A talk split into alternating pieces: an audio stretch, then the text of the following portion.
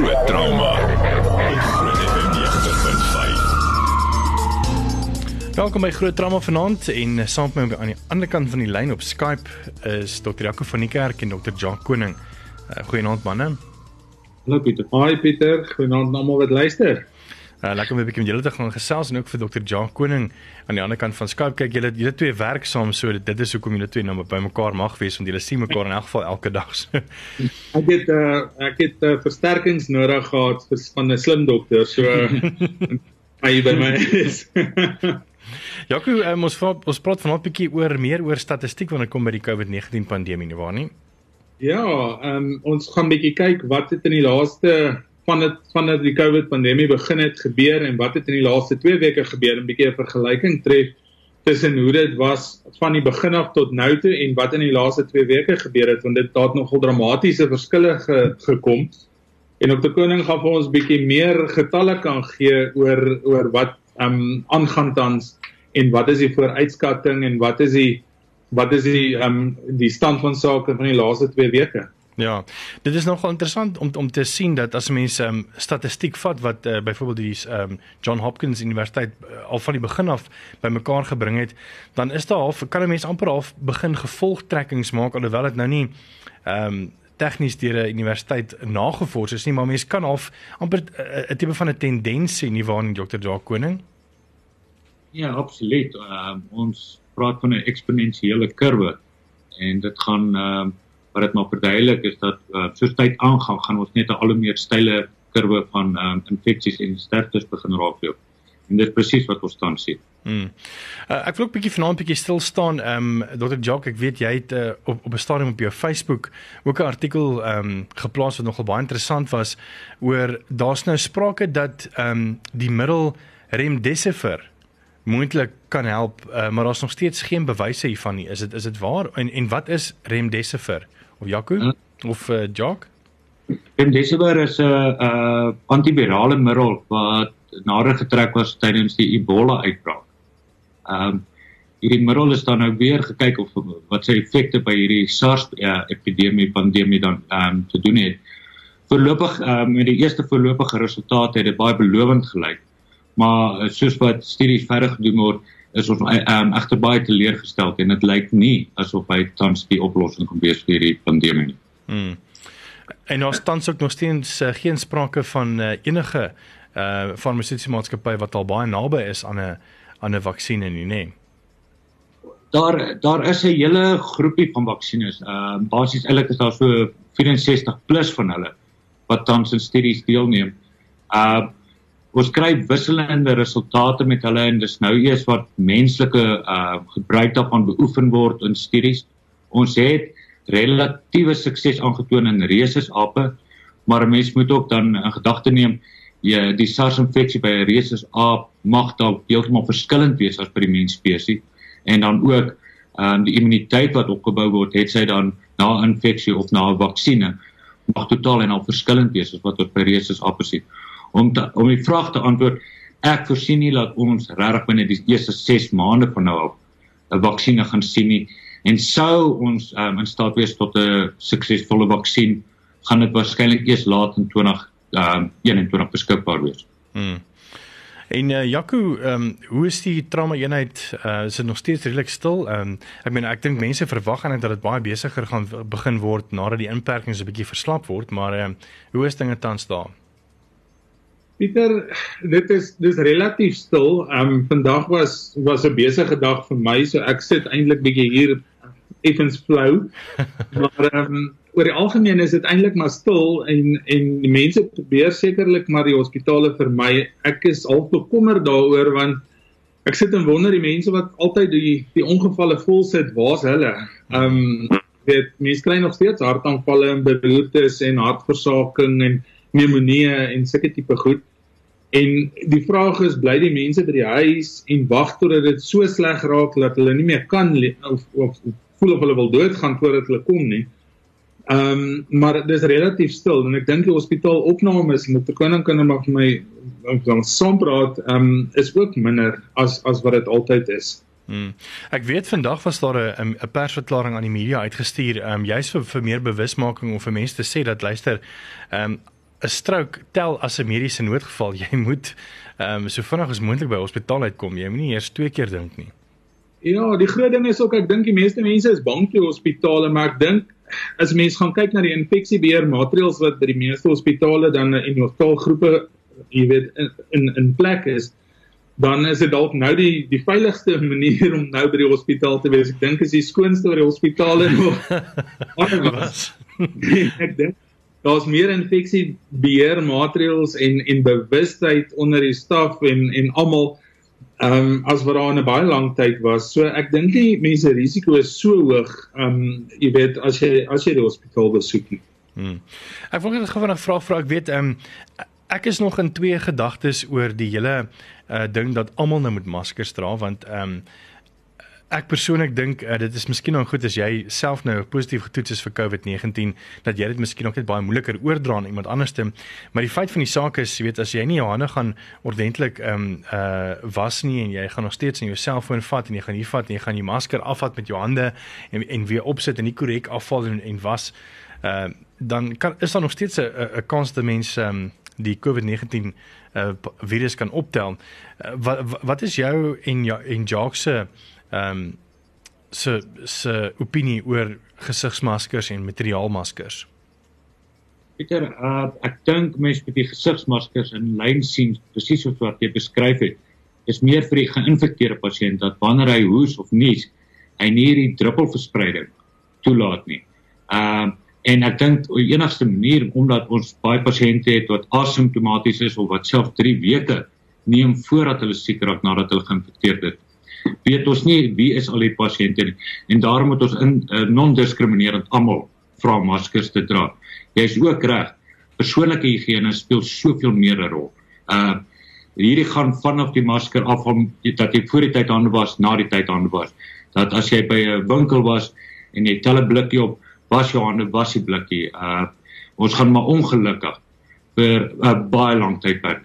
Baie strenger oor ons eie higiëne uh, wees hmm. en bewus daarvan wees. Hmm.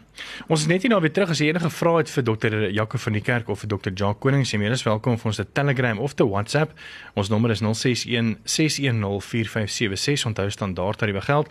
Ek wil net hier nou ook dan sommer vir hulle vra, ehm um, ek het 'n baie interessante artikel gelees ehm um, die afgelope naweek ehm um, Ek dink dit was op edx.org wat eintlik 'n 'n studieportaal is van van Harvard en in die artikel het hulle gesê wat vir my nogal baie interessant was is dat mense as jy suurstof inasem of jy kry te veel suurstof dan styg jou pH vlak en as jy te of daar staan te min koolstofdioksied oorgedra word in jou longe ehm um, dan daal jou pH vlakke. So as ek 'n bietjie daaroor praat of ek reg of verkeerd dit verstaan het, Uh, dis my nogal baie interessant om te sien hoe mense pH vlakke en dit kan natuurlik veroorsaak dat jy hartaanvalle kry en die goeie. Maar ons gaan nou by ons spesialiste hoor daaroor so bly geskakel. Groot trauma.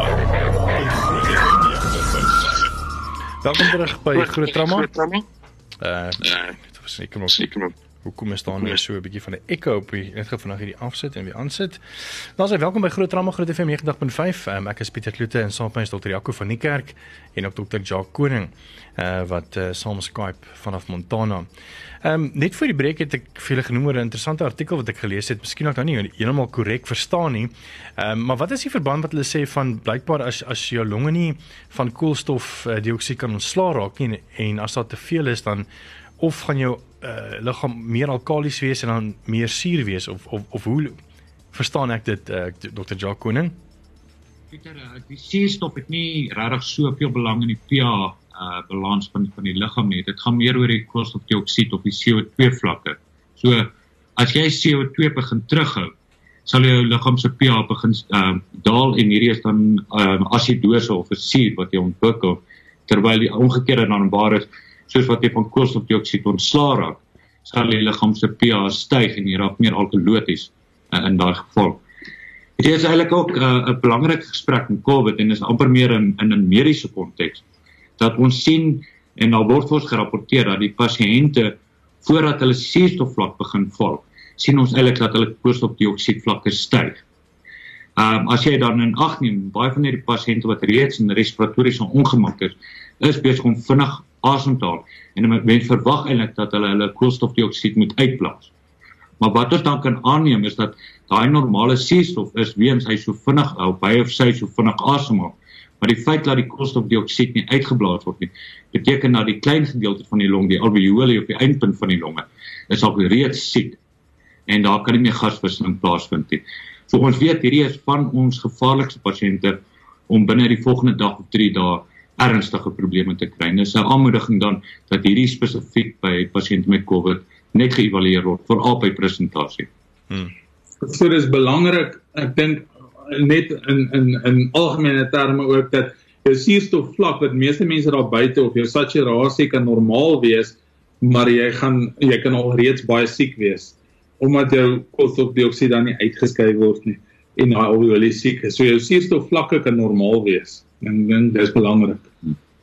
So dit is 'n baie belangrike punt want ehm um, weet baie van die ouens wat uh miskien nou nie medies aangelees het gaan nou gaan nou vinnig een van hierdie ehm um, oksie uh metertjies opsit om te kyk wat is jou saturasie en dan lyk dit miskien nog asof dit nou 99% is. Nee, want jy's nog chop chop billy pop man.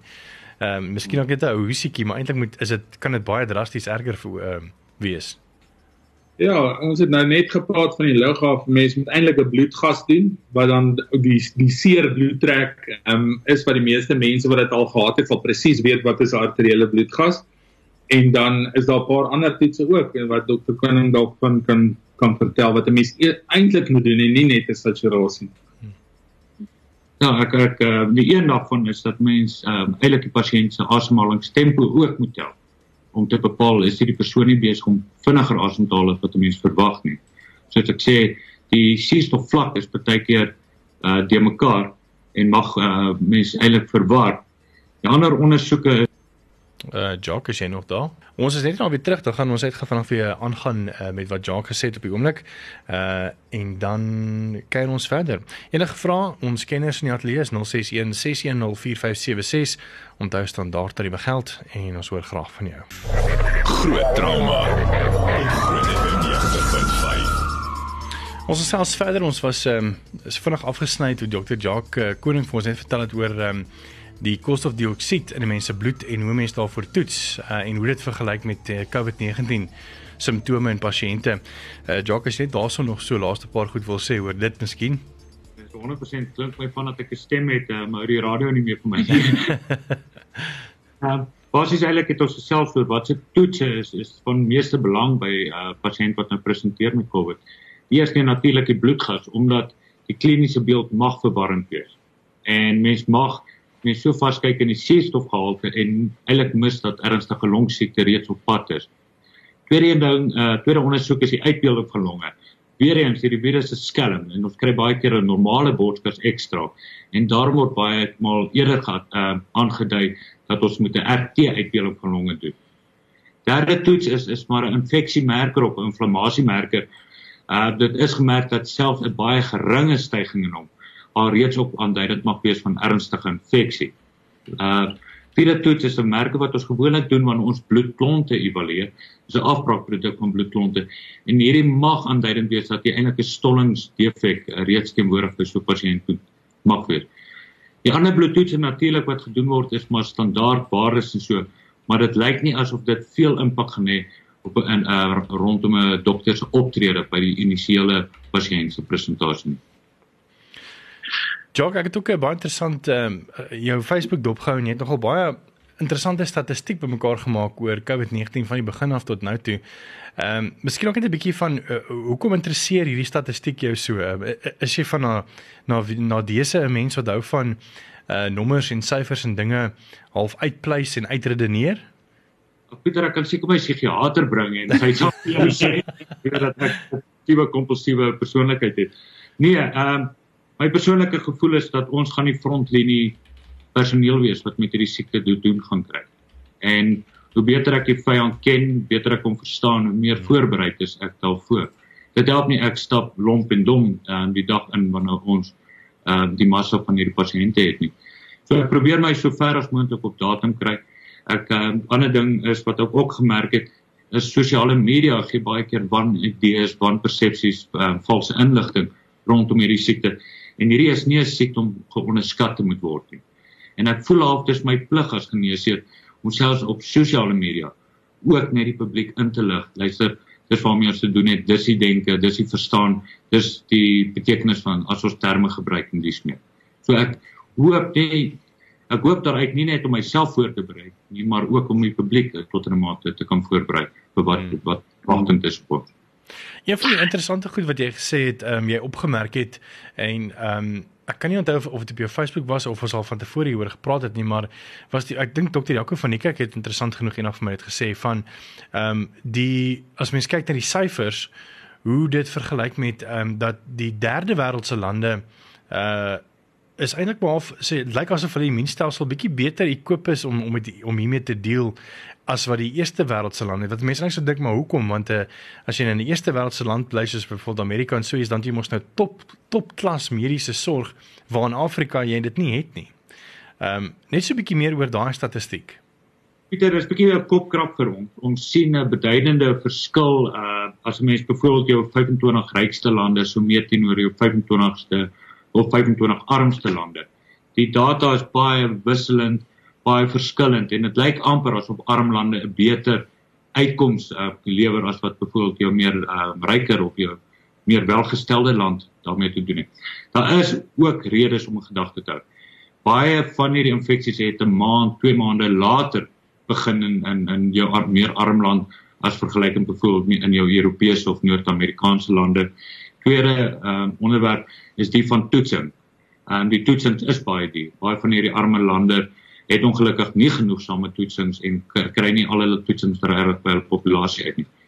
Hoe dit ook al dan lyk na verskil, maar as mense begin kyk hoe die syfers opklim, veral in so Suid-Afrika as 'n voorbeeld, kry 'n mens tog die gevoel dat gaan nie oor 'n tydperk regtig meer so beduidende verskil wees nie. Hy gaan lyk my non-diskrimineer om ons almal dieselfde tref. En ehm um, dink jy ons is uh, moontlik dan nog net so erg af soos byvoorbeeld Amerika? Uh ek dink hulle staan op hierdie stadium met omtrent amper 40000 uh sterftes as ek dit nie mis het nie, indien nie meer nie. Ja, ek sien nou ja, ek sien nou ek het nou net gekyk, hulle staan op 60495 tans. Um en dit is nou 2034 se se waardes, se syfer. Hmm. So hulle het um al klaar vandag alleen 1229 sterftes. Wat my pla is dat um Engeland of die UK sit vandag met 4419 sterftes en dis nogal baie en ek dink sure. ons kan amper ons populasie as ek nie uh, verkeerd is nie kan ons amper vergelyk met die UK in terme van grootte. So ek weet nie of ons dalk ergens daar langs die pad daarby gaan kom nie. Hmm. Pieter, ek ek dink jy ons moet die siekte onderskat nie. Ons uh, gaan waarskynlik na hierdie syfers toe beweeg. Uh as mense gedagte hou, ek sit nou nou in uitwerk. Die verwagting is dat 2/3 tot 3 kwart van Suid-Afrika se populasie gaan siek raak op 'n stadium met met hierdie infeksie. Uh as mense sterkte syfers meet, duidelik in Suid-Afrika is omtrent 2% van die totale hoeveelheid wat wat positief getoets het in die wêreld kry ons 'n 7% insidensie. Hierdie impliseer dat dit mag tussen 800 000 tot 3 miljoen sterftes vir Suid-Afrika inhou. Sure. As die die data deurgaan. Ehm um, gaan dit so erg wees soos in Amerika en soos in Italië, soos in Frankryk, soos in Engeland en dis meer. Ek kan nie dink hoekom nie. Ons lockdown periode het bietjie vir ons tyd gekoop, het, het bietjie owerhede, hospitaal, fasiliteite, mediese fasiliteite, ekonomiese fasiliteite en so 'n kans gegee om voorbereidings te begin maak. Maar hierdie storm ehm uh, is nie wegge, weggehou deur die lockdown nie. Dit is net bietjie terughou en bietjie verstadig voordat op ons afkom. Hmm. As mens kyk dat die kurwe wat nou so bietjie verplat het uh, in Suid-Afrika alhoewel met die inperking wat nou uh, weer bietjie opgelig gaan word, gaan hy seker nou weer begin klim.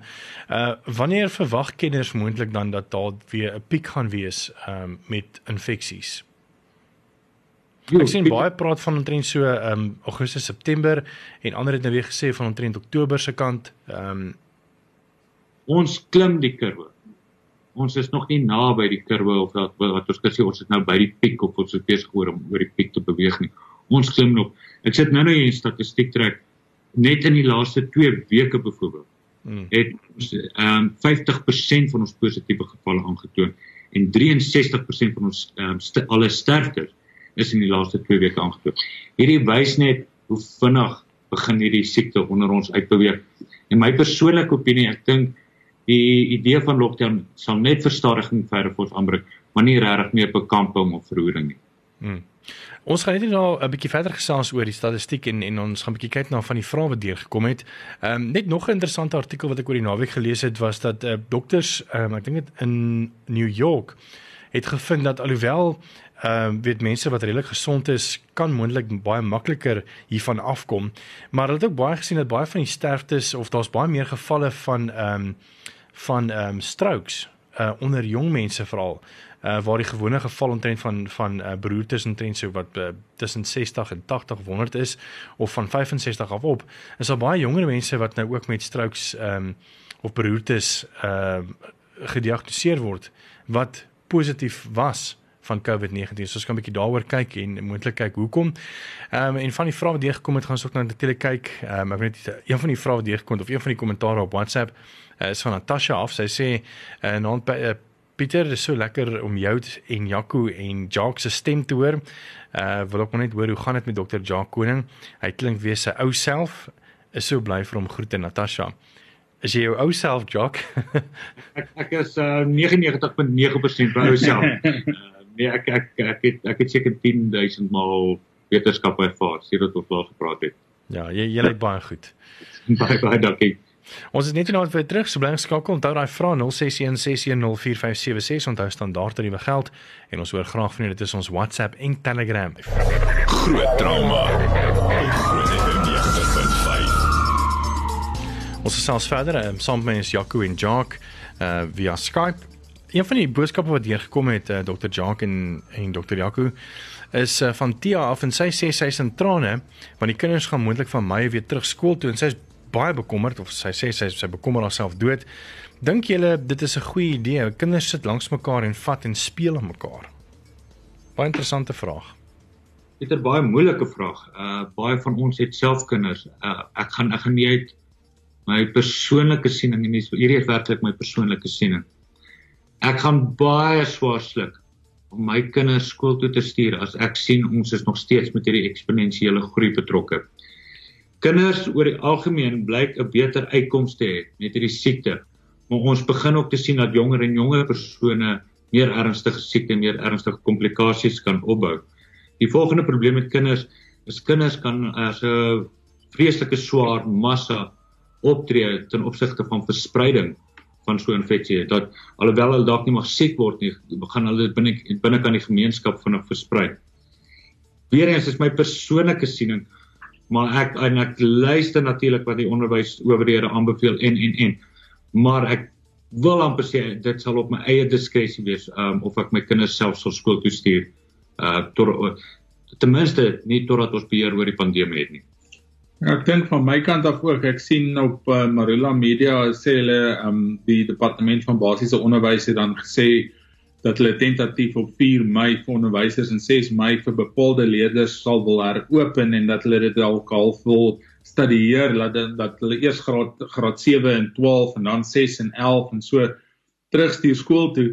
Maar dis presies wat Dr Koning nou gesê het is jy kan nie nie noodwendig dat die kinders gaan siek wees nie, maar hulle gaan dalk draers wees en um die oomblik wat hulle mekaar dan aansteek en van huise toe gaan dan gaan hulle die die pandemie net al hoe vinniger en vinniger en vinniger versprei. Boonbehalwe dit dink ek leer ons elke dag nog iets nuuts van die virus. Jy weet, um, ons almal dink aan die longsiekte en ons het nou gepraat en Dr. Koning kan nou meer detail gee.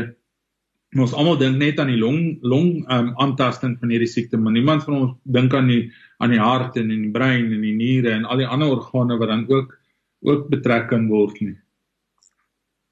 Daar was um, ook 'n artikel gewees in um the New York Times en Popular Science van dokters wat eintlik half half ook um nog baie ek wil nie sê die mekaar is nie maar hulle is half um verdeeld om te sien dat daar nou 'n bietjie meer uh waar selfs dubbel die meer beroerte gevalle is in, in selfs jonger pasiënte uh wat vroeër positief getoets het vir vir COVID-19. Uh, in julle opinie dink jy dat daar is 'n 'n verband met COVID-19 en beroertes? Baie sterk verband uh Pieter ons hierdie hierdie virus hou ons regtig nederig. Uh, elke dag wat ons nou dink ons pleis ietsie van hom uit, dan um, draai hy net so op en om en gee ons 'n heeltemal ander beeld. Uh soos ja, Dr. Jaco reg genoem het, ons uh, soms vasgestaar in sy respiratoriese simptome. Maar dit wil ons blyk asof veral stollingsdefekte ook 'n groot gedeelte van sy patologie uitmaak en daar dan die hartaanvalle, die hartversakings, die nierversakings, die beroertebeelde en dis meer. En hierdie blyk om baie meer gekompliseerde beelde te wees en baie keer jonger pasiënte te betrek of pasiënte wat ons nie geag het as byvoorbeeld hartrisikopasiënte of nierrisikopasiënte of beroerte risikopasiënte. Inteendeel is daar 'n waarskuwing ook al uit dat baie keer het hierdie pasiënte word hulle positief getoets maar hulle het soveel minimale simptome dat hulle huis toe gestuur word omdat hulle nie hospitalisasie benodig nie hmm. en by 'n paar dae later eintlik met met so 'n komplikasie ehm um, mag presenteer en hierdie mag baie maal ehm um, aanleiding gee tot afsterwe. Ons leer nog Pieter, ons mm. ons leer, ons sukkel om ehm um, tegnieke te kry hoe kan ons identifiseer wie gaan wat ontwikkel en wie is vatbaar vir watter komplikasie. Hierdie virus hou net daarvan ons ons nog in die donker te hou. Maar elke dag kan ek jou beloof daar's geniale medisy en wetenskaplikes besig om te probeer vir ons antwoorde en so te gee. Mm. En ons kan gerus net 'n bietjie vir hulle luister en en terugsit en kyk wat gebeur. Ja. Hier's 'n baie moeilike vraag wat uh, Morney gestuur het via WhatsApp. Ehm um, ek gaan hom maar vir julle vir julle gee en kyk of julle hom kan antwoord, maar ehm um, ek dink hierdie virus is is so uiteenlopend. Ek meen daar's mense in in Engeland uh, wat regtig in hulle 80s en 90s is wat herstel het ehm um, nadat hulle COVID-19 gekry het en dan sien jy mense van jong mense wat dit kry en dan sterf. Die vraag is, hy sê hy uh, dis Morney, so ek het in Desember 2015 'n broerte gehad en redelik herstel behalwe my spraak en linkerarm wat nog probleme gee. Ek word nou 50, wil weet as ek die COVID-19 kry, wat is my kanse om te herstel? Dankie vir die program. Moeilik om te sê, né? Nee? Jo Pieter, ehm um, ek ek ek dink vir alle individue as, as kom ek stel so prognose gewys is daar tans twee faktore wat die meeste gewig dra. Die eerste een is ouderdom. Um ongelukkig hoe meer gevorder die ouderdom, hoe slegter die uitkoms met met infeksie. Die tweede um komponent is die van goeie gesondheidsdienste. Ons weet hoe sterker, hoe meer um beskermd um, die mediese fasiliteite en mediese dienste is, hoe beter ook die uitkoms van pasiënte wat wat hulle besoek. En ons sien in baie lande dat as daar oorstroming plaasvind van mediese dienste, dan begin die sterftesyfer en uitkomsyfer baie baie vinnig te versleg.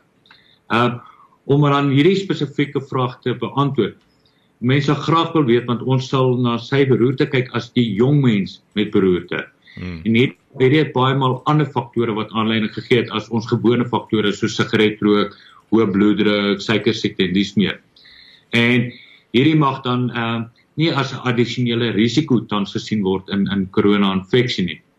Uh ouderdom, ons sien hier eintlik by mans 55 op, ewe skielik die grafiek styg. Ouderdom gewys lyk dit of hy dalk nog veilig kan wees.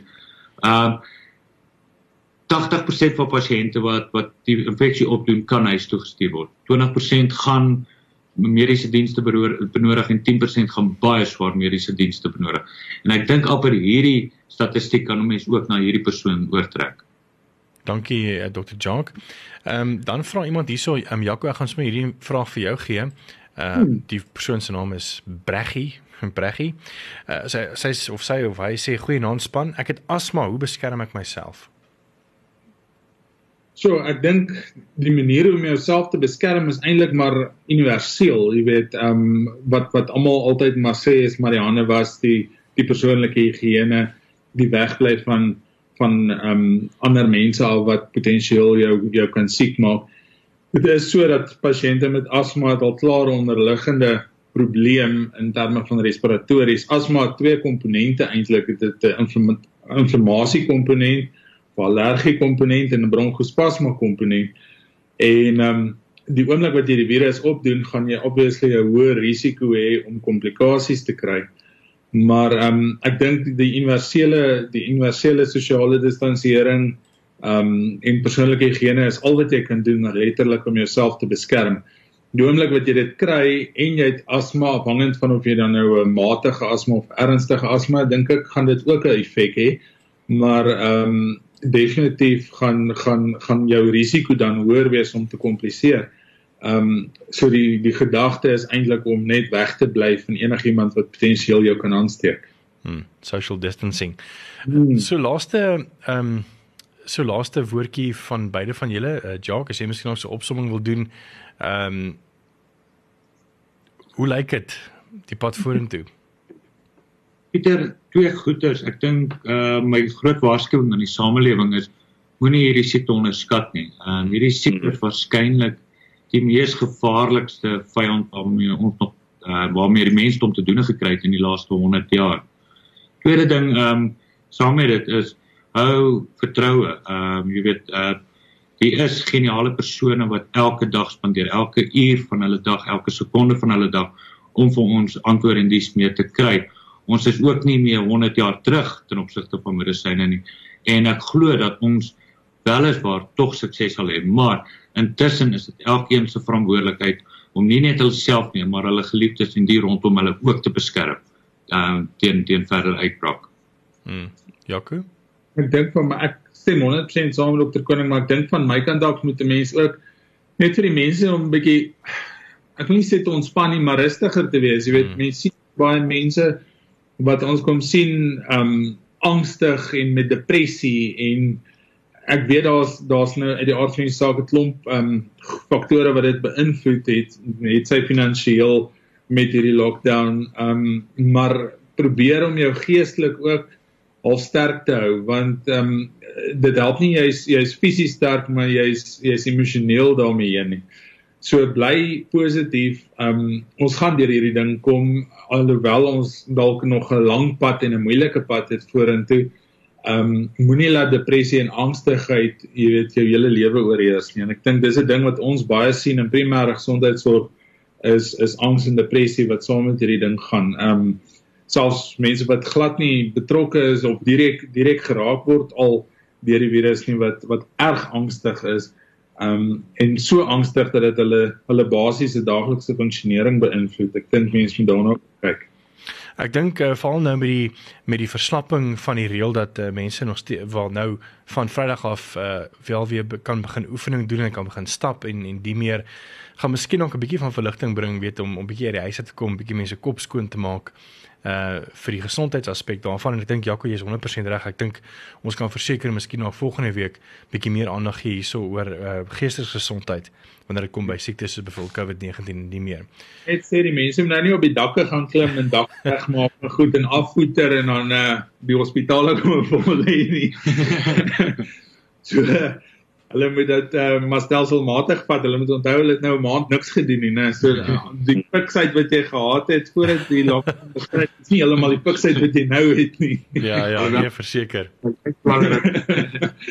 eh, Dr. Jacqueline, uh, dankie dat jy vanaand uh, deelgeneem het aan die program. Dit is lekker om jou te sien dat jy uh definitief baie beter lyk like as 2 uh, 3 maande terug toe jy so by ons gekuier het. Dit is reg lekker om te sien en dan Dr. Jaco van die kerk altyd lekker en dankie dat jy ook altyd jou tyd afstaan so laat in die ander naart jy al reeds uh, 6 uur vanoggend al op kantoor was uh, en gewerk het tot laat so ons waardeer regtig jou tyd uh, Dr. Jaco van die kerk van Montana uh, met 24 se trauma eenheid. Dankie meneere. Dankie.